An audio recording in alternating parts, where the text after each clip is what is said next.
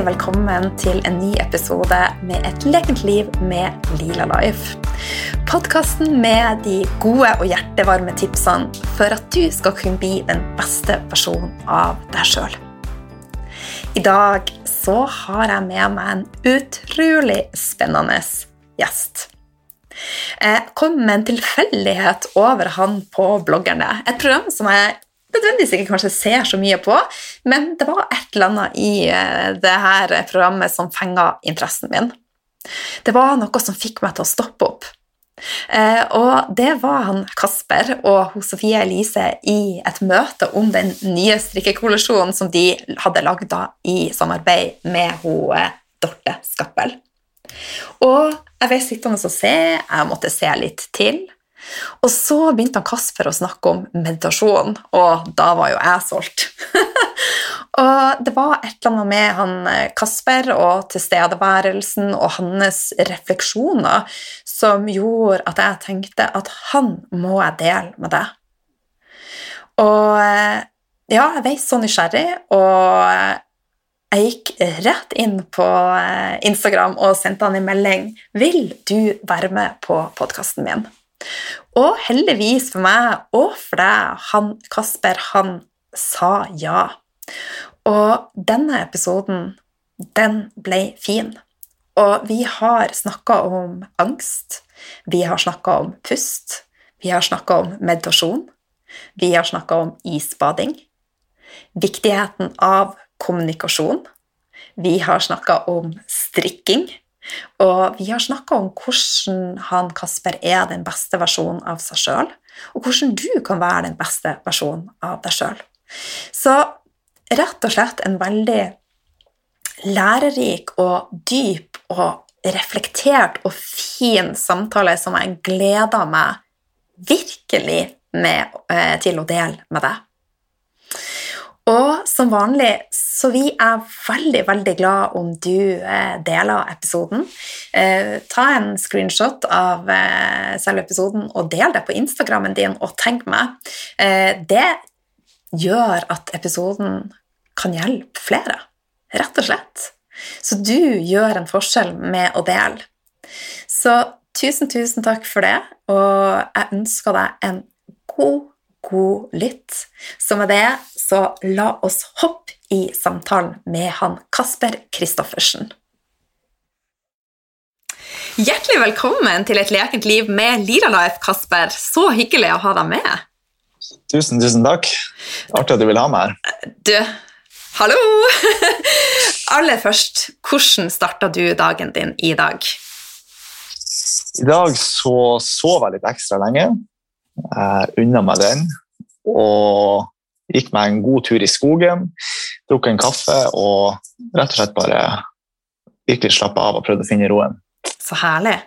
Det er ikke en, nødvendigvis en typisk dag, men hvis jeg skal gjøre noe sånt som det her, eller, så liker jeg å, å være litt ekstra refreshed hvis, hvis, jeg har muligheten til det. Ja. Når du drikker kaffe, er det vanlig svart kaffe, eller du, har du noen sånn kafferutiner? Jeg drikker vanlig svart kaffe, ja. Det er jeg veldig glad i. Jeg har prøvd å slutte å drikke kaffe flere ganger fordi jeg har uh, hørt eller lest at, at uh, ja, man ikke nødvendigvis trenger den ekstra energiboosten, da, uten at jeg kan så veldig mye om det. Og, men, men, jeg, men, jeg, skjønner på en måte også litt, litt sånn ideen bak det, da, men jeg er veldig glad i kaffe. så svart kaffe drikker jeg. jeg er også veldig glad i kaffe, men jeg har jobba litt med å komme meg bort ifra det, så jeg har gått over til koffeinfri. da. Ja, men gjerne gi meg, Fortell litt hvorfor. Hva, hva, var grunnen til at man ikke skulle drikke så mye kaffe? Jeg kan ta en liten reminder til deg, og, eller jeg kan ta en oppfrisker. Og så, ok, Vi har jo et nervesystem, og ofte så er vi den sympatiske delen av nervesystemet. Og det kan jo være med å trigge bl.a. angst. Eh, og sånn som type kaffe og sukker og sentralstimulerende ting de er jo med å fyre i gang nervesystemet vårt. Så det er en av grunnene. I tillegg så er kaffe en, en tyv, bruker jeg å si. Det, det, er masse antinæringsstoffer som gjør at vi får et dårligere næringsopptak. Så, men eh, 50% av befolkninga cirka fordøyer kaffe godt, og så har du noen som resten som ikke fordøyer kaffe godt. Så hvis du ikke har noen plager med å drikke kaffe, så tenker jeg at det ikke er et problem. Men hvis du kjenner at det trigger et eller annet i deg, så vil jeg kanskje gått over til koffeinfri og tatt den også støtta binyrene dine, og det kan være f.eks. aminosyre. Å ta E-aminosyre som heter L-teanin, er kjempefint. Så ja. Ok, ja, Det er veldig interessant. Det er artig at du sier det der med den sympatiske aktiviteten og nervesystemet. Og akkurat nå så driver jeg og eh, skriver en skoleoppgave om pusten. Ja. Og prøver å undersøke eh, om vi kanskje er litt biased mot å være overaktiv i det sympatiske nervesystemet, og om det bl.a. kan ha litt sammenheng med at vi rett og slett puster litt for mye. Mm. Så eh, jeg synes det er veldig interessant, for jeg tror det er mange faktorer med det moderne liv da, som aktiverer den sympatiske delen, og som gjør at vi eh, ja, kan ha en ubalanse der. Så det er interessant. uten tvil. Så det, det er veldig interessant. Jeg vil også anbefale deg å høre forrige episode. Eh, der Ja. snakka vi om pusten på en litt annen måte, og plassering av tunga, faktisk, i forhold til pusten. Ok, Så, eh, Men du, eh, jeg er veldig, veldig glad for å ha deg med, for det første. Men nå har du fortalt hvordan starta dagen din i dag. Eh, har du noen, ellers noen sånn typiske rutiner som du har eh, om morgenen? Ja, altså Det jeg prøver å få til, det er å eh, meditere som det første jeg gjør når jeg står opp. Det er liksom en sånn eh, grunnmur som jeg prøver å, prøver å jobbe veldig aktivt med. Det er ikke alltid det heller går, og noen ganger så føler jeg meg faktisk mer eh, effektiv hvis det er skole eller noen andre ting som jeg skal gjøre med en gang jeg står opp. Så av og til så prioriterer jeg faktisk det å bare sette meg ned med en gang og bruke litt den klarheten og det overskuddet man står opp til å bare Mm. eh, begynne å jobbe. Men for å være helt ærlig så har jeg egentlig bare fokus på å få meg en god natts søvn. Prøve å ha faktisk syv-åtte timer. Og prøve å starte dagen med litt stillhet, rett og slett for å sette litt stemninga. Og så, eh, og så er det egentlig ikke så mye utover det akkurat på morgenen. Nei. Er det noe spesielt du må gjøre for å sove godt? Jeg bruker å si at jeg har sånn søvnforspill. Søvnforspill, ja. Jeg er veldig altså, blessed akkurat rundt der. Jeg sover utrolig godt. Det, Ja, det har jeg gjort, det gjort hele livet. Og uh, meditasjon har også hjulpet meg veldig med å, med å sove. egentlig. Hvis jeg merker at jeg har mye tankekjør og ting som kunne eh, aktivert meg og holdt meg våken, så har jeg på en måte lært meg å gi litt mer slipp på det. da, Sånn at jeg også kan finne ro når jeg merker at det er litt kaos i hodet. Mm, så fint. Du, altså, du har jo vært eh, veldig åpen på at du har vært opptatt av hvordan andre oppfatter deg. Eh, valg av studier, opptre korrekt, hvordan ting så ut på overflata. Og så kom det et vendepunkt. Kan ikke du fortelle litt om det, og hvordan du har klart å snu dette og gjøre det mer om til ei indre reise? Ja. ehm, for å gi litt kontekst til eh, vendepunktet, så eh, var det vel først og fremst sånn at jeg, jeg merka at eh, angsten og det med å bry meg om hva andre mente, og de her tingene, at det var på en måte eh, negative krefter, eller i det minste ting som påvirka meg negativt. Så em, Selv om jeg var opptatt av det på et visst nivå, så var det også en annen del av meg som så at det her var destruktivt. Mm. Så, så bare der um, oppsto det et slags ønske om å prøve å få gjort noe med det. Um,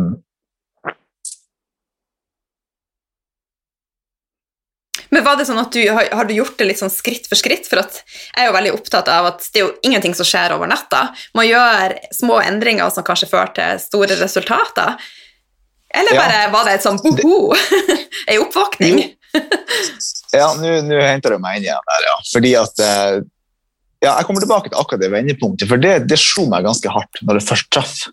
Men jeg husker jeg hadde en sånn, sånn Det er en del av meg som ikke kan akseptere at eh, sånn er det bare. Mm. Altså liksom, Nå er jeg usikker, jeg har angst, sånn er det bare. Sånn ble jeg bare.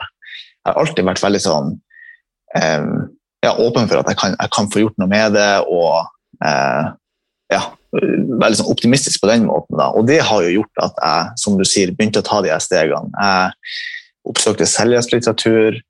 Og i starten så var det typisk eh, Tony Robbins eller eh, Erik Bertrand, og, som er litt sånn power, go get it-typer. da. Og selv om jeg vet at de har fått eh, fantastiske resultater, eh, og jeg har brukt mye tid på Tony Robbins i ettertid, så påvirka de meg faktisk ganske negativt der og da.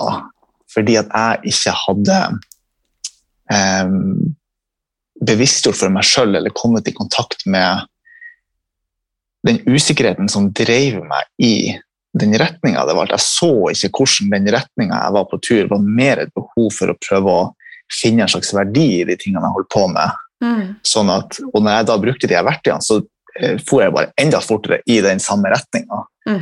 Uten å egentlig stoppe opp og prøve å ta en vurdering av hvorfor gjør jeg dette, hvorfor har jeg valgt her tingene, og er det det som er eh, riktig for meg. da. Så det intensiviserte jo på mange måter eh, den prosessen. da. Så fine Og- ref refleksjoner. Det er jo fantastisk. Ja, det er i hvert fall noe som har vist seg for meg i ettertid. da. Mm. Eh, når man står oppi det, så er man jo litt blind for hva som foregår. da. Men, men ja, uansett, det skjedde, og man kan gjerne si at intensiviteten der jeg liker på en måte litt sånn den, å se på det på den måten, og den, den økte. Jeg ble ikke nødvendigvis bedre, kanskje snarere tvert imot. Mm. Men um, samtidig så jobber jeg kanskje enda hardere på det. Enda mer å overtale meg sjøl om at du må bare overvinne frykten. Du må bare hoppe i det ukjente og, og de tingene som man kanskje gjerne hører på en sånn selvhjelpsvei, da, typisk. Mm. Og har det hjulpet? Å møte frykten? Det har det absolutt, men det er helt annen historie igjen. Men eh, å møte frykt har, har absolutt hjulpet. Altså, Ok, Jeg skal komme tilbake til det også. Eh, siden resultatene ikke kom, i hvert fall, så kom jeg etter hvert over meditasjon. Jeg hørte en podkast med han som har grunnlagt Headspace, og eh, begynte å ta i bruk hans app. Riktignok for, fordi jeg hadde hørt at det er sånne forretningsledere og atleter og mediterte, så syntes det var veldig interessant. Og så kommer vi da til denne utløsende faktoren, som var eh, en bok som heter The Power of Now av eh, Eckhart Tolle. Og det høres jo nesten litt eh, rart ut, men denne boka den gjorde så sterkt inntrykk på meg at jeg, liksom, jeg klarte å se livet med en klarhet og en, en fredfrihet som jeg ikke hadde gjort før. Og denne klarheten den viste meg bl.a. hvordan jeg forsøkte å finne denne verdien og tryggheten i utdannelse, utseende, eh, oppnåelser, og hvordan dette også gjorde meg enda mer sårbar for andre sine sammenligninger og andre sine vurderinger. Mm. En sånn typisk sånn negativ spiral. Da. Og samtidig så, så jeg også at løsninga den var ikke å bekjempe liksom, angsttankene og usikkerhetstankene med flere tanker, om så de var positive. Jeg måtte på en måte ut av tankegamet Mm. eh, i det hele tatt. Og ta et steg tilbake og eh, hvile i denne stillheten eller tilstedeværelsen eller oppmerksomhet, hva du ønsker å kalle det. Da. Og det var nok til at jeg pakka tingene mine, slutta på skolen og reiste tilbake til Harstad og bestemte meg for å, for å heller undersøke den retninga. Og jeg kjenner at hårene bare reiser her. Fantastisk. Og jeg vil jo si at eh, både han Tony Robins og han Eckhart Tolle er jo kloke menn, men det er jo som natt og dag. Altså, Eckhart Tolle er jo en fantastisk i forhold til det å ja, komme i kontakt med den parasympatiske delen av nervesystemet, vil jeg si da. Så eh, ja, så bra at du virkelig. For det er det du gjorde. Det var det, det var det jeg gjorde, ja. Og eh, ja, som du sier, både Tony Robbins og Eckhart Tolle er fantastisk på hver sin måte, men de jobber kanskje på litt ulike nivåer, da, på måte, hvis man kan si det sånn. De gjør det. eh, mange av de verktøyene til Tony Robbins er kjempebra, som sagt, ting jeg har brukt tid på i ettertid, Mm. men som et fundament og for å grunne meg sjøl, så har Eckhart Tolle og litt den retninga vært eh, eh, viktigere da, for Mm. meg. Så det åpna en ny dør, og meditasjon er vidt, en viktig del av eh, livet ditt. Da blir det en veldig viktig del, ja. Det har det. Ja. Og noen syns jo det med meditasjon kan virke uoverkommelig. Eh, og jeg husker sjøl når jeg starta, fem minutter virka jo som en, en ond evighet. Mens nå kan jeg sitte veldig lenge og så tenker jeg, hvor ble tida av? Har du opplevd noe av det samme? Ja, ja, ja. Helt samme, egentlig. Og eh, ja, i starten, som du sier, så er selv fem minutter eller ti minutter det kan være helt sånn der eh, åh, Du bare kjenner kjeta, som man sier. Bare brer seg i kroppen. og alle dager skal det her gå. Men eh, ja, jeg har opplevd akkurat det samme. Nå kan man finne plutselig så, så bare flyr tida. Og, Mm.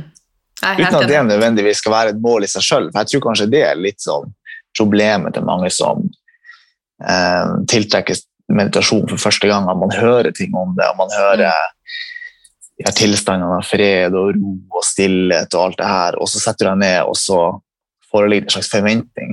Mm. Og så blir man litt sånn skuffa, og nei, jeg får ikke til, og det her var jo bare kaos. Og så tilfører du egentlig bare bensin på bålet, Mm.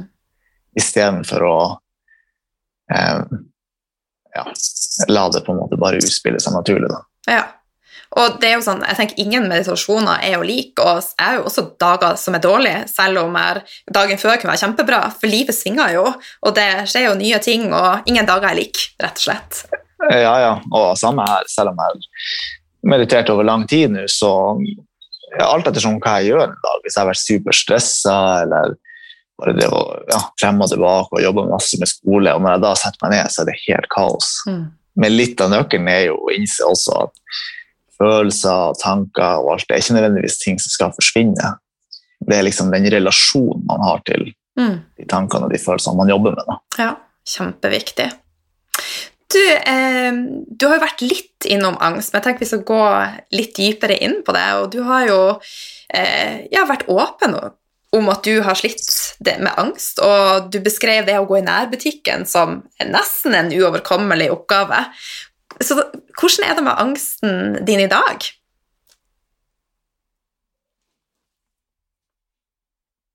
Altså, jeg har fortsatt em, angst eller tendenser til angst. Mm. Det har jeg. Men det er på langt nær eh, så ille som før. Mm. Og det styrer ikke livet mitt, eller påvirker ikke avgjørelser på samme måte som det en gang eh, gjorde. da. Og man kan kanskje si at jeg har funnet en slags ro i at jeg kan få litt angst i enkelte sosiale situasjoner, men prøver å em, kjenne på det at det går faktisk greit. Em,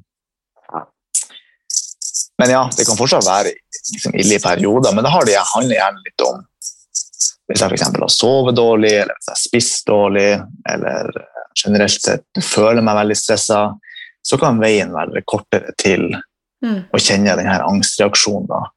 Samtidig så har jeg også lært meg å kjenne igjen de her tingene, så jeg ser også veldig tydelig hvorfor det blir sånn. Ja. Og det gjør også at jeg ikke nødvendigvis er redd for å angst, og heller kjenner igjen angsten som en helt naturlig reaksjon på eh, hvordan jeg har liksom, behandlet meg sjøl de siste Mm. dagene. ja. Og da ja, lar jeg ikke det nødvendigvis definere meg, og det er lettere å faktisk sette inn noen tiltak som å ta seg en liten løpetur, det synes jeg er superdeilig, eller gå ut i naturen, eller, eller sette seg ned på puta og Mm. meditere litt, f.eks. Mm. Så du er mye ute i naturen, hvis du har mulighet? Jeg forsøker, ja. Hvis jeg har muligheten, så, så gjør jeg det. ja. Ja. Vi bor jo rett ved siden av skogen nå, så det, det er fantastisk. Jeg, ikke, jeg kan faktisk høre eh, fuglekvitter. ja, ja. Det, er det som grunner meg her nå i samtalen, det er fuglene. De hjelper meg. Ja, det er jo sant. Altså, Fuglekvitring og sånne type ting er jo medisin. Det er jo det. Ja, det er så deilig. Det er faktisk så deilig. Ja, det er helt Uh... Så det, Dette har jeg nevnt mange ganger på podkasten, men jeg har ei vekkerklokke med fuglekvitring, og det er terapi. Så det vil jeg virkelig anbefale. Ja, det tror jeg på. Men du, har du noen tips til andre som, eh, som sliter med angst? Altså, hva hvis du skulle liksom ja, være til hjelp og gi noen tips? Ja, det er jo også her på en måte litt sånn forskjellige eh, nivåer, hvis man kan si det sånn. Du har Ja. jo noen sånne mer sånne lindrende eh, ting man kan gjøre, som jo er sånn typisk eh, gå seg en tur i naturen, eller Mm. rett og slett være litt oppmerksom på når en angstreaksjon oppstår, Mm. og så prøve å iverksette noen umiddelbare tiltak for å prøve å dempe den. Eller. Og jeg pleier å si til meg sjøl at liksom, ikke planlegg livet, eller um, se på deg sjøl og vurdere hvordan du har de tingene når du har angst. Fordi at det, det påvirker så utrolig mye hvordan man tolker ting og ser på ting. Mm. Og da er det veldig fort gjort å, å sende seg sjøl lengre ned i en, eh, en slags spiral. Da. Så sånne umiddelbare ting er jo da eh, trening, komme seg ut, særlig være i naturen. Eh, og kanskje også prøve å kutte sosiale medier eller TV for en periode.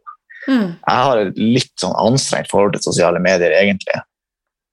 Og merker at hvis jeg bruker mye tid på det, så er det veldig fort gjort at angsten begynner å krype seg inn. Selv om jeg kan finne masse inspirasjon, jeg kan finne mye bra og kult innhold der, så merker jeg også at det er fort gjort å havne på et litt sånn negativt spor, hvor man kanskje blir dratt inn i ting som eh, trigger en slags sånn fordømmelse i deg, eller du Mm. ja, kjenner på litt sånn eh, Sammenligning kanskje også? Man begynner ja, å sammenligne? samme- ja, ja, ja. Absolutt, absolutt sammenligning. Og det, det er jo også et sånn interessant sånn, eh, et aspekt ved hjernen vår. Da. At vi på en måte vi vurderer jo liksom hvordan vi har det litt på bakgrunn av i, altså i relasjon til ting. I Mm. relasjon til vennene våre eller hva vi ser. Mm. Og da er det veldig fort gjort å også vurdere sitt eget liv negativt i lys av det man ser på sosiale medier. Og det er ting som jeg tror kan være lurt å være oppmerksom på. Men best av alt er jo bare å ta seg en liten pause fra det. Hvis du kjenner at nå er det litt mye. Mm. Jeg ser jo sånn som Du har ikke vært aktiv eh, på Instagram-kontoen din siden i februar, og det, jeg syns jo det er fantastisk at du, ja, at du, at du gjør det, at du lytter til, eh, til igjen signalene kroppen gir deg. For at eh, altså, telefon på samme måte som vi kan bli avhengig av mat og andre ting, så fremmer det jo eh, dopamin, altså serotonin, så vi får jo en sånn lykkefølelse, så det er jo lett å bare dra etter telefonen og bare Give it to me, give it to me. Ja, Ja. ja, ja. Og det, det merka jeg veldig godt. Jeg var to-tre år helt uten. Ja. Hadde ikke sosiale medier i det hele tatt. Og savna det ikke heller. Jeg følte ikke at jeg gikk glipp av noe, og ja, syntes egentlig det var kjempefint. Og så på et punkt så følte jeg at det var på en måte noe jeg hadde lyst til å dele. Jeg så at det var en plattform som man faktisk kunne bruke også veldig positivt. Det kunne være en måte å connecte med andre og Mm. sette lys på ting som man sjøl kanskje syns er viktig. da. Absolutt. Og med det som motivasjon så var det plutselig fint å begynne å ta i bruk sosiale medier. Mm. Og så merka jeg den her tendensen til å hele tida gå inn og sjekke. Har jeg fått noen meldinger? Hvordan går det? Og sånne ting. Og også litt sånn hvordan innhold på en måte ble populært, hva likte folk. Og så begynte alle de her tingene å surre. Mm. Og da mister jeg litt kontakt med den intensjonen jeg hadde i utgangspunktet. For da hadde jeg plutselig den stemmen sånn Kommer folk til å like dette? Kanskje hvis jeg gjør sånn og sånn, så blir det bra. Og så er man på tur inn i, inn i fella. Og da kjente jeg bare at jeg må ta meg en pause, jeg må bort igjen. Og så må jeg på nytt finne ut hvordan jeg skal gjøre det her, hva er det som føles riktig. Og hvis jeg skal være på sosiale medier, så må jeg eh, ja, grunne meg sjøl enda litt tydeligere, for jeg merka hvor fort gjort det var å bli sugd inn i den Mm. sosiale medier-verdenen. Ja. Og der er også en viktig refleksjon. Er det liksom, Gjør vi det innenfra, eller gjør vi det for å fyre vårt eget ego i gang? liksom? Så det, det er veldig viktig å, å tenke på. Så eh, Jeg jobber jo via sosiale medier, og, og, men jeg har veldig klare grenser, og det tror jeg er viktig. Kjempeviktig. Ja, ja, er helt enig. Og jeg, jeg tror ikke nødvendigvis ting er verken bra eller dårlig, nødvendigvis. Nei. men det handler veldig mye om ja, den relasjonen man har til det, og hvordan man bruker det, og hvor, hvor bevisst man klarer å være på påvirkninga det har. Da. Mm. Men du, jeg får litt tilbake til den sosiale angsten din. Hvordan er det da å være kjæreste med ei ganske poppis dame som er mye i søkelyset og i media? Hvordan har du klart å balansere det? Fra angsten sitt perspektiv så er det jo helt grusomt. Og, Eh, men det er heldigvis ingen grusomheter som jeg ikke har godt av, for å si det sånn. Eh, men hvis man da f.eks. Eh, lytter til angsten, siden hun er ja, en person som er mye i media, og som kan oppleves eh, kontroversiell, og som tar litt plass, så kan det være fort gjort å kjenne en sånn Å, kunne ikke vi bare hatt det stille og rolig og bare vært oss, på en måte. Mm. Og det er selvfølgelig en del av det har jo en del sannhet i seg, og det er jo derfor vi også er veldig nøye på at vi verner om det som Mm. er bare oss, og at vi har tid til bare oss. Ja. Men samtidig så ville det vært helt feil å på en måte begrense henne og hennes autentiske uttrykk og den hun ønsker å være, Mm. fordi at jeg eksempel synes det er ubehagelig. Ja. Og det er en, en På den måten så har eh, forholdet vært en veldig fin plass å faktisk kjenne litt på de usikkerhetene de tingene som trigges, og den oppmerksomheten, og hvordan det føles at andre har eksempel negative meninger. Selv om de kanskje ikke har vært direkte mot meg, så føler man seg jo litt Mm. identifisert med partneren sin. og Mm. så, eh, men, men der har vi vært veldig flinke til å ta vare på hverandre. Vi har hatt, eh, det har alltid vært rom og aksept for det. Da. Jeg har aldri følt at det har vært av meg og eksempel, eh, lufte de følelsene jeg har. Nei.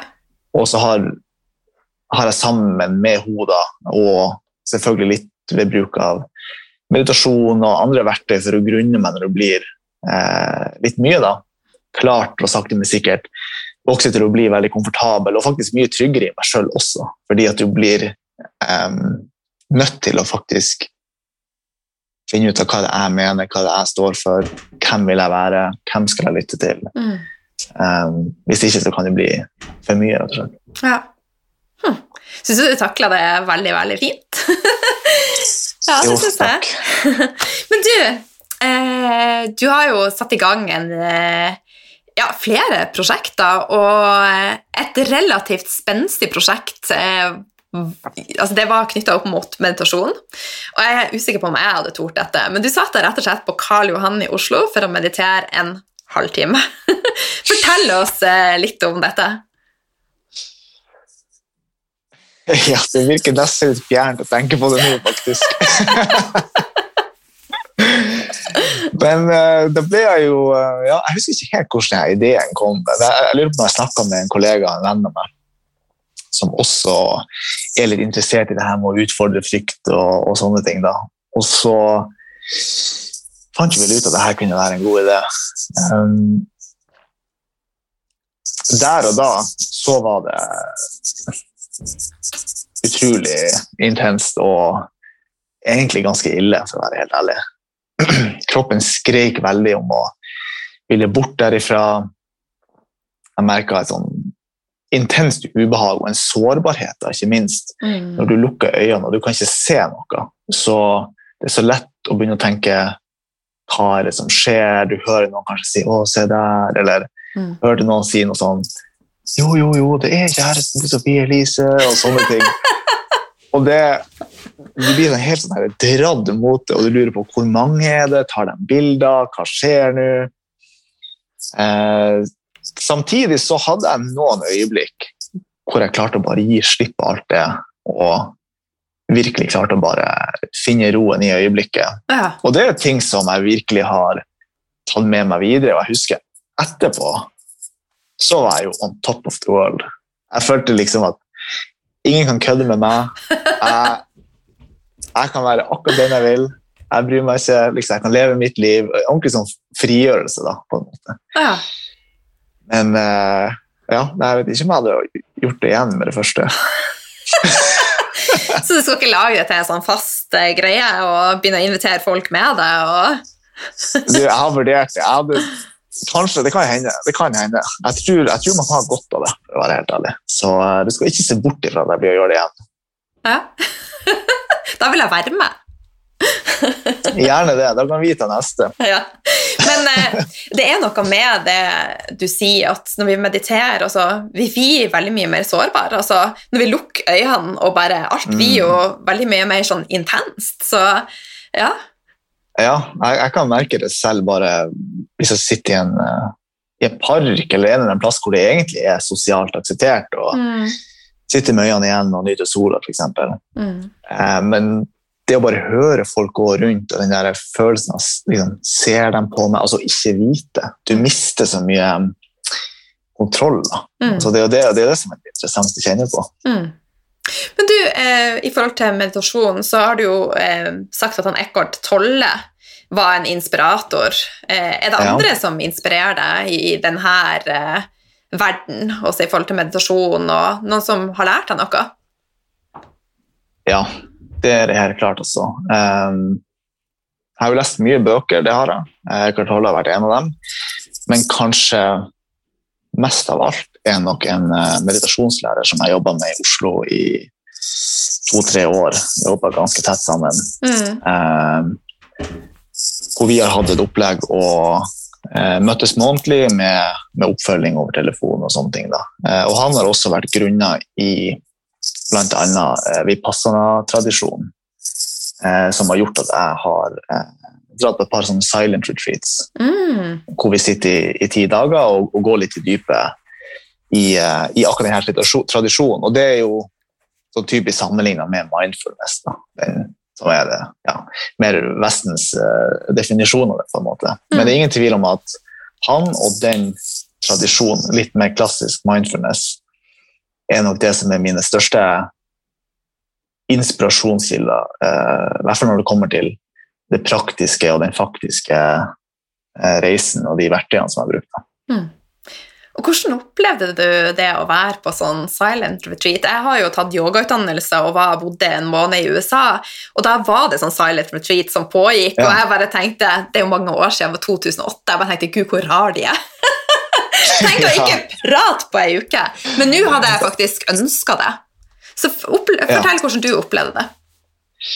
Det er jo artig du sier det må være rar. Jeg husker jo på dag fire eller fem eller noe sånt. Da tenkte jeg å, hvem er jeg, hva gjør jeg? Jeg er den rareste personen i verden. Men eh, Nei, altså, stillheten i seg sjøl Det er jo mange som sier at å, det virker helt grusomt. Jeg syns faktisk det var ganske deilig. Mm. Eh, det å være stille og det å faktisk få tid til å ordentlig ta et dypdykk i seg sjøl. Ja. Det jeg syns var så interessant, det var jo at de første to, tre, fire dagene, i hvert fall for min del, så var det kanskje ekstra mye kaos, mer kaos enn jeg egentlig hadde sett for meg at det skulle være. Nesten som at når jeg ikke lenger hadde distraksjoner og, og eksterne ting å fylle på med, det er jo ingen, ingen lesing, helst ingen øyekontakt, ingen musikk, så var det nesten som at eh, kroppen gikk litt i sånn panikkmodus og bare hva, hva skal jeg fokusere på nå, på en måte? Og så begynte liksom eh, kanskje det indre å snakke, da, hvis man kan si det sånn. Mm. Men eh, etter hvert som man ja, bare jobba med det og gikk tilbake til praksisen og gradvis eh, klarte å gi mer og mer slipp, så kom jeg etter hvert i kontakt med en eh, ja, mer eh, stille del av meg og en større ro som virkelig ga meg egentlig ja, en, en, trygghet i, den reisen og de tingene jeg holdt på med, hvis man kan si det sånn. At det Mm. var en slags bekreftelse på at det du gjør, er riktig, og det sånn, sånn som du har valgt å, prioritere tida di, eh, ja, er noe som betyr mye for meg, og som jeg merker. Har en veldig stor innvirkning på livet mitt. Så det, det er egentlig det oppsummerer egentlig litt sånn den opplevelsen jeg hadde i hvert fall første gang. Du solgte deg godt inn. Jeg har lyst til å dra på silent retreat. Jeg, anbefaler faktisk alle å dra på silent retreat, uansett om du har erfaring med meditasjon eller ikke. Mm. Hvis du ikke har erfaring, så vil jo opplevelsen mest sannsynlig bli litt annerledes enn hvis du har, men samtidig så er jo det din opplevelse, og det er, det, Mm. det er der du er akkurat da. Mm. Eh, Så jeg tror alle kan få noe ut av det. Ja. Du, eh, du beskriver at pusten har blitt en sentral følgesvenn mot et klarere og roligere sinn. Eh, altså når vi mediterer, så blir jo pusten automatisk roligere. Men har du Mm. andre måter du jobber med pusten på? Ja, altså pusten er jo Jeg syns pusten er superinteressant. Det, det, det er jo en eh, refleksjon på hvordan vi har det inni oss. Mm. Eh, og den er jo ganske unik på den måten at den både er under vår eh, bevisste kontroll, Mm. eh, på den måten at vi kan holde pusten, eller vi kan senke pusten, eller ja. Og den går jo også av seg sjøl og Mm. reguleres av eh, de dypere delene av nervesystemet. Um, og det gjør jo også at ved å være litt oppmerksom på hvordan man puster i et gitt øyeblikk, så kan du også få et lite innblikk i hvordan kroppen har det. Og gjerne hvis man er stressa, eller man er sint, eller ja Uansett, så kan man kanskje merke det litt på pusten, f.eks. med stress. da. Mm. Pusten kanskje blir litt kortere, kanskje man strammer magen, Eh, den går litt hyppigere enn den vanligvis ville gjort. Og dette igjen sender jo signaler til kroppen og aktiverer kroppen på en spesiell måte. Mm. Og hvis man da f.eks. stopper litt opp og bryter litt opp i det mønsteret, og trekker pusten litt ut, kanskje litt langsommere, litt roligere, så kan du bevisst begynne å sende andre signaler til kroppen. Så på den måten så er pusten virkelig en slags eh, følgesvenn, da, som jeg prøver å ta godt vare på og, eh, og inn til av og til og se hvordan han har det. Og ja, prøve så ofte jeg kan egentlig å eh, passe på at eh, jeg har et bevisst forhold til pusten. Mm. Jeg må bare si igjen, eh, jeg er jo også veldig opptatt av pusten, eh, men etter du er nødt til å høre episode jeg tror det er 114. For etter det Ja. så er jeg veldig Jeg har øva noe ei uke siden jeg snakka med henne. Eh, Det har vært revolusjonerende for meg, for at Altså det heter OMFT, og hun er den eneste terapeuten i Norge som jobber det med plassering av tunga. Og vi skal, ha, vi skal ha munnen igjen hele tida når vi puster. Og eh, også med meditasjon. Munnen igjen og tunga opp i Mm. the spot, som det heter. Det er veldig spennende. Jeg synes det er superspennende. Jeg har nettopp lest et par bøker om pusten også, Ja. som går litt mer i detalj på ja, forskjell på f.eks. puste gjennom nesa, puste gjennom munnen, som du sier. Mm. Og det at å puste gjennom eh, munnen f.eks. kan gjøre at du eh, opplever mer stress, får høyere blodtrykk og sånne type ting. Så ja, det, pusten det, det er så mye å ta for seg, så jeg, jeg deler interessen og fascinasjonen med det. I tillegg så vi jo med å puste gjennom munnen, så vi vil jo en åpen kanal for alt som faktisk er rundt oss. Mm, Eh, ja. Så det, det er lurt å puste, puste gjennom nesen. Men du, eh, eh, du er ute i naturen for å roe ned, og du eh, puster, du mediterer. Men en annen ting som du også gjør, det er å strikke. Eller gjør du det? Ja, jeg kan strikke, og jeg strikker litt i perioder. Men eh, skal jeg være helt ærlig, så går jeg nok oftest til ei bok eller noen sånne ting, hvis jeg skal ja, finne roen litt på den måten. Da. Ja, Jeg skjønner. Jeg må bare si jeg er 45 snart, og jeg kan ikke strikke, sånn at uh, du slår meg jo en, en stor gang eh, der. Altså, Jeg skal ikke skryte på meg de mest avanserte strikkemetodene, det kan jeg ikke gjøre. Men uh, strikking rett fram, det klarer jeg. ja. Men du og Sofie Elise har jo vært med og, i lag med Dorte Skappel og påvirka da en Eller har dere vært med og laga kolleksjonen, kanskje? Eh, fortell litt om det her. Ja, nei, det var en fantastisk opplevelse å være med på. Det var jo veldig fremmed for meg på mange måter. Og Sofie hadde jo allerede gjort det i en kolleksjon med Skappel tidligere. Mm. Og hun var jo eh, med på Skal vi danse sammen med Dorte. Så jeg hadde jo allerede et godt forhold til Dorte og Skappel-familien. Mm. Sånn at det føltes veldig eh, trygt sånn sett å være med. Det var, det var folk jeg allerede stolte på og hadde tillit til. Ja. Eh, og så var det egentlig veldig sånn nedpå eh, fremgangsmåte. Vi dro hjem til dem, vi spiste litt middag, og Dorte hadde vel laga noen utkaster, rett og slett, bare for å ha noe å, å begynne på. Og så prøvde vi litt, og jeg kom med tilbakemeldinger på hvordan jeg synes at genseren burde være, om det var for lang i armene, eller om jeg likte kragen, farger, mønster, sånne ting. Mm. Og så ble det da laga et nytt utkast, og så ble de etter hvert godkjent. Og så stilte jeg opp da på en liten sånn fotoshoot, og det var kanskje det mest utfordrende. Det var jo, for Sofie er jo superproff, og jeg ser jo bare med en gang kameraet er på, så er hun klar, liksom, og har posen klar. Og, og da, da snakker vi angst, og da måtte jeg virkelig prøve å finne roen også. Men, eh, men også der ble supergodt ivaretatt, og ja, det har vært en kjempeartig opplevelse. Jeg tror faktisk det var sånn jeg kom, kom over det første gangen. Eh, for jeg satt og så på bloggerne, så det var bare tilfeldig på TV. og så så jeg dere da i fotoshoot. Eh, var ikke det med i bloggerne? Eh, Eller var det et annet program? Ja, ja, det der var, eh, ja, det var bloggerne, men da var det vel et intervju tror jeg, vi gjorde med VG om kolleksjonen. Ja, det kan Og så det. tror jeg det var en fotoshoot etterpå. Som jeg for så vidt Den syns jeg var enda verre enn den skapershooten. Jeg synes Ja. det var helt grusomt å gjøre. Men du overlevde, Jeg overlevde, og det gikk fint, så man må bare stå i det. og du vet sannsynligvis sterkere av det også. Jeg håper jo det. Jo, jeg tenker at alt som ikke tar livet av oss, gjør oss sterkere. Og det er jeg veldig opptatt av også, at eh, jeg er ikke dømmende, så jeg har ikke skam for det som har skjedd. Jeg har også hatt masse angst og opplevd mye kjipt. Det har vært med å forme meg til den jeg er i dag. Eh, sånn jeg tror det er viktig å liksom eie den reisa vi har hatt. Eh, og det tror jeg du òg Ja. gjør. Jeg er veldig enig med deg. Mm. Så, eh, men tilbake til denne strikkekolleksjonen. Jeg synes jo dere, altså, Genserne er jo fantastisk, sånn at jeg tenker at alle lytterne må jo ta og, og sjekke ut eh, denne kolleksjonen. Eh, og så syns jeg den du hadde, i hvert fall det jeg så, var liksom veldig deg.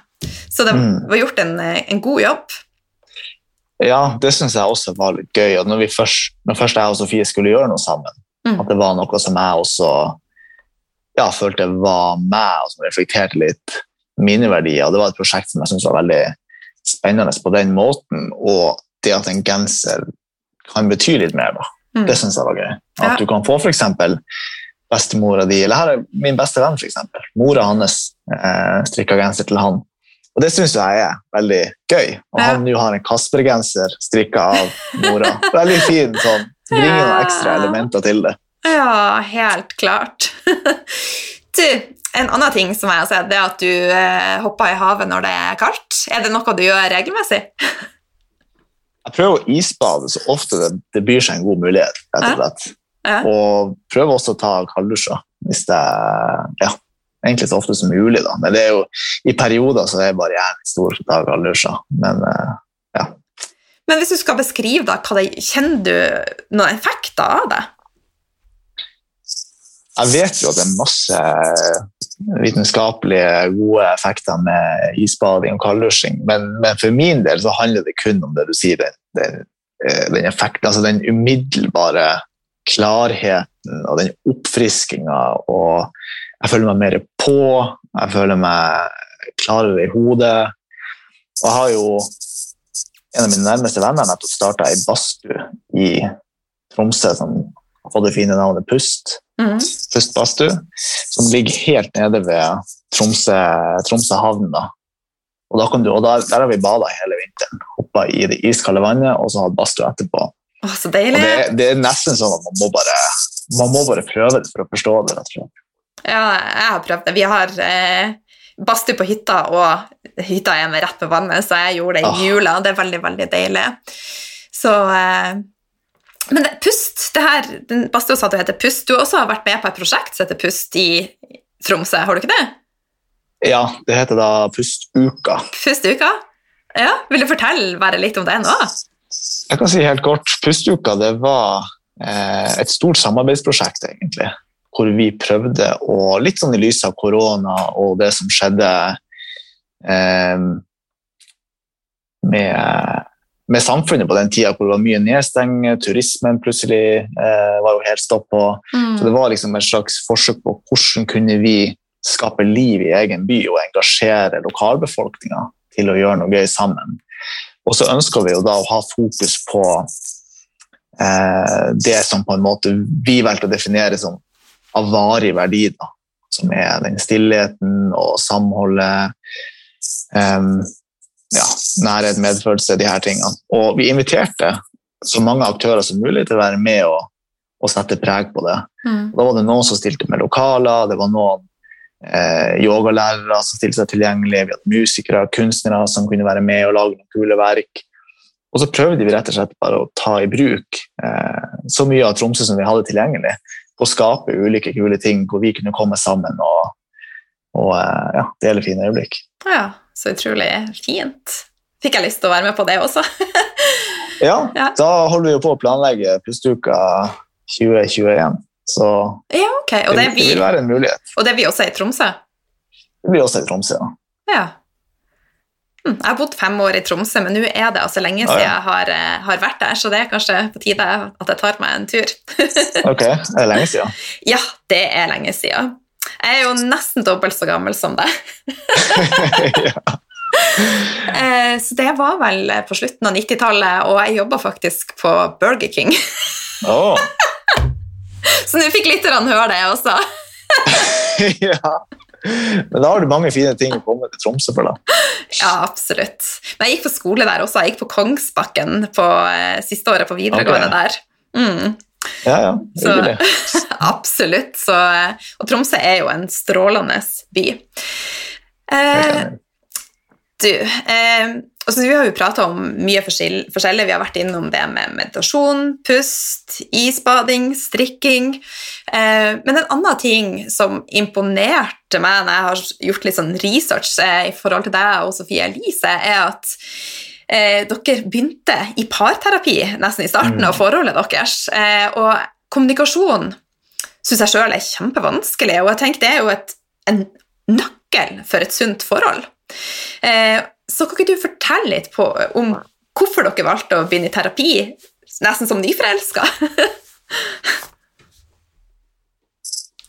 Jeg lurer på om vi kanskje fikk et tips Altså, vi hadde jo vi hadde allerede et, et fokus på kommunikasjon. Det er en ting som vi var veldig eh, nøye med fra starten av, egentlig. Og litt sånn på grunn av mitt utgangspunkt og litt den angsten og den frykten som jeg kunne føle på. Mm. Og i tillegg til hennes, eh, hennes situasjon og, og hele den, den ekstra pakken som på en måte kommer med. da. Mm. Og det gjorde jo at i jeg følte at eh, man kunne ikke spille noe spill her. Det var ikke noe rom for å Her måtte vi på en måte bare eh, ta det head on og faktisk snakke om de tingene vi følte. Og, ja, og det satte egentlig standarden for, for eh, resten av forholdet, og hvordan vi har valgt å approache situasjoner som har kommet over andre. Så kommunikasjon har vært en utrolig del av, viktig, forholdet, nei, en viktig del av forholdet vårt Mm. hele veien. Og så tror jeg vi fikk et tips av noen som hadde vært i parterapi og hadde fått veldig mye ut av det. Og da var det en, en idé som vi virkelig også connecta med. Jeg har jo studert psykologi, studerer psykologi, og finner det veldig interessant og bruker gjerne enhver mulighet til å forstå meg sjøl litt bedre eller Mm. jobbe med forholdet. Da. Men generelt sett så anbefaler jeg alle par å gå i parterapi, og spesielt hvis du har litt fokus på kommunikasjon. Eh, for det er veldig fint å ha en tredjepart som kan ta og Kanskje se litt på de, dynamik, de dynamikkene som utspiller seg, på en litt annen måte enn man kanskje klarer sjøl. Mm. Det er veldig fort gjort å se seg litt blind på ja, egne mønster og motivasjoner. Og, og da er det veldig fint når en tredjepart kan komme og si sånn Ja, men ser ikke du f.eks. at han jo prøver, eller ja, kan komme med noen sånne tilføyelser som kanskje kan åpne opp samtalen på en måte man ikke helt klarer sjøl. Så viktig. Mm. Er dere flinke da i, sånn som i hverdagen å bare logge av? Du nevnte telefon og Netflix og faktisk bare prat. Ja, vi er, vi er veldig flinke på det. Eh, I starten av forholdet så gikk vi vel Jeg husker ikke hvor lenge det var, men da hadde vi sånn ingen TV-policy. Vi, bare- vi så ikke på TV sammen. Eh, Nå kan vi, kan vi godt kose oss med TV. Og vi er jo begge to opptatt en del, eh, har ofte lange dager. Og da kan vi synes det er litt deilig å se litt på TV på kvelden og slappe litt av på den måten. og rett og slett koble litt av da.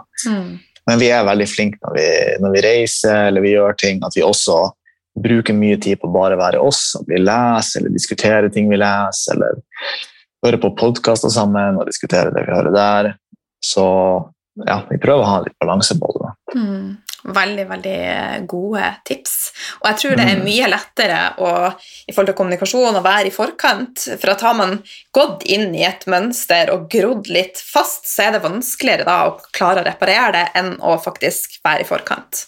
Ja, ja, ja. Helt eh, Det er så viktig. Og du har jo mange um, elementer med en god kommunikasjon. Da. Og Mm. av de er jo f.eks. Uh, det må være ærlig.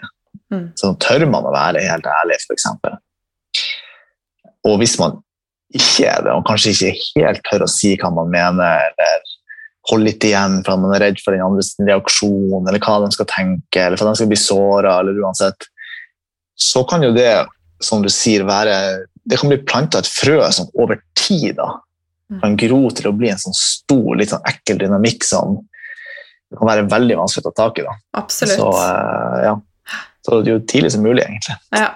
Og dermed å tørre å være ærlig, jeg tror faktisk det er et problem ikke bare i kjæresteforhold, men også ellers i samfunnet. Eh, Jeg snakka med en venninne i forhold til det å ja, ofte så blir det jo sånn at man lager ikke klikker, men at man kan føle seg utafor av og til. Mm. Eh, og da faktisk tørre å si at 'jeg skulle gjerne ha vært sammen med dere'. Eh, og det er så mye som holder oss igjen. altså Egoet vårt, skam, frykt. Eh, så vi må tørre å være litt mer transparent, tenker jeg. Altså, jeg kunne ikke vært mer enig, og det, har- det har vært kanskje en av de eh, største faktorene til em, utvikling eller forbedring eller hva man skal si, av, mine relasjoner. Både med venner, familie. Det å f.eks. tørre å si til familien sin at eh, jeg merker at jeg bryr meg veldig mye om hva de synes, til det punktet at jeg kanskje eh, er redd for å skuffe dem. Ta opp en sånn type samtale. Si til Mm. som jeg sa til bestekompisen min, at jeg kunne føle meg veldig sjalu, at jeg kanskje ikke helt klarte å unne han hans suksess. Sånn, det å faktisk bringe de dynamikkene opp i lyset, gjør at man har mulighet til å connecte på en helt annen måte. Ja, jeg er så enig. Så det Hør, alle lyttere! Kommuniser! Du, eh, hva gjør du for å være den beste versjonen av deg sjøl? Um, jeg, jeg er den beste versjonen av meg sjøl når jeg tar vare på menneskene og relasjonene i livet mitt. Ehm, når jeg setter av tid til stillhet og til å gi slipp. Når jeg dyrker nysgjerrigheten. Det er ønsket ønske om å lære og utvikle seg og Mm. Ja. Mm. Så viktig, Um, det med nysgjerrighet. Ja, det er veldig, veldig nysgjerrig. Den, den kreative impulsen rett og slett, som man kan kjenne på. Det å faktisk lytte til den og av og til se Selv om det kan virke litt sånn urelevant, så har jeg ofte funnet ut at hvis jeg plutselig blir veldig fascinert av noe, så ønsker jeg gjerne å gå dypt. Jeg elsker å lære om det og bare se. Og så kan det hende at jeg Mm. gir slipp og lar det gå. At det kanskje ikke var noe som jeg ikke ja, besøker på en stund. Og så Mm. kommer det tilbake igjen en gang. Da. Så jeg prøver å være veldig bevisst på å dyrke den nysgjerrigheten og kreative impulsen. Da. Jeg, jeg tror, ja, generelt sett så er det i hvert fall Relasjoner er superviktig. Det å sette av ja, tid til stillhet og refleksjon, kreativitet. Og rett og slett streve etter litt balanse. Jeg har en tendens til å gå veldig hardt ut i ei retning. Nå skal alt handle om det. Nå er det opp 05.45 hver morgen. Har du lest skjer- eh, 5 AM-klubb? Er det derfor? Jeg har den boka, jeg har ikke lest den. Jeg tør ikke lese den. Jeg vet ikke hva som blir skje med meg. Nei, så du er litt sånn egentlig litt all on or nothing, og så prøver du å finne den balansen. Jeg, ja, jeg vil absolutt si at jeg er en all or nothing-person. Jeg liker å gå veldig dypt, og jeg liker å miste meg sjøl litt i det jeg holder på med. Men hvis det går på bekostning av de andre tingene som gjør opp livet, da, så har det ikke vært bærekraftig. Så det er noe jeg må jobbe aktivt med, å ha balanse. Mm. Jeg er litt samme typen. Ja. Og det er noe fint med det, men uh, ja. Det er baksida av medaljen. Ja. Du, Har du hørt om Rachel Hollis? Ja, det tror jeg faktisk. Jeg lurer på om Sofie leste ned bøker av henne. Rachel Hollis, ja. Hva heter bøkene hennes? Girl Wash Your Face. uh, Ja, ja, ja. Sofie er veldig fan av henne. Jeg har ikke lest henne sjøl, men Nei, for hun, hadde, hun gikk jo på en liten smell i eh, sosiale medier for eh, ja, det var i påska. Og over natta så mista hun 100 000 følgere. Eh, Ok. eh, I går hørte jeg podkast med henne der hun la seg langflat, og hun sa at på et punkt så slutta hun å være nysgjerrig. Hun slutta å være åpen for ny kunnskap. Hun trodde hun hadde alle svarene. Så eh, det med nysgjerrighet For vi er aldri utlært. Vi har aldri alle svarene. Så det mm. Ja. ja, var, det, var det grunnen til at hun gikk på en smell, da, eller?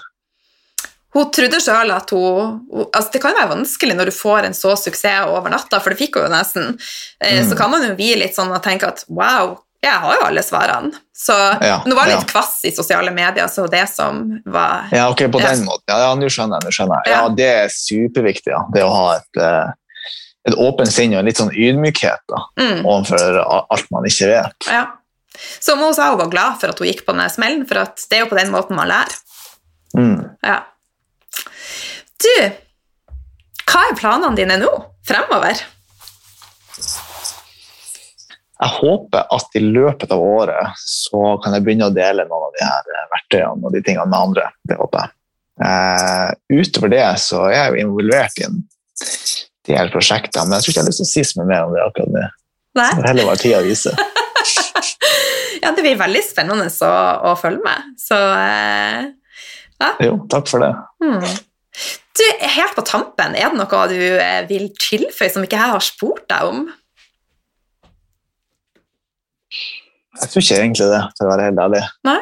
Tusen takk for at, jeg, at du ville ha meg her, kanskje. Det har jeg lyst til å si. Det var veldig hyggelig. Og artig å ha en litt annerledes samtale, på en måte. Jeg er veldig ofte jeg får muligheten til å snakke om de her tingene, så det setter jeg pris på. Jeg er veldig glad for at uh, du ville være med. Og jeg tipper at uh, de fleste lytterne har fått veldig mye verdi ut av dette, så hvor kan de treffe deg?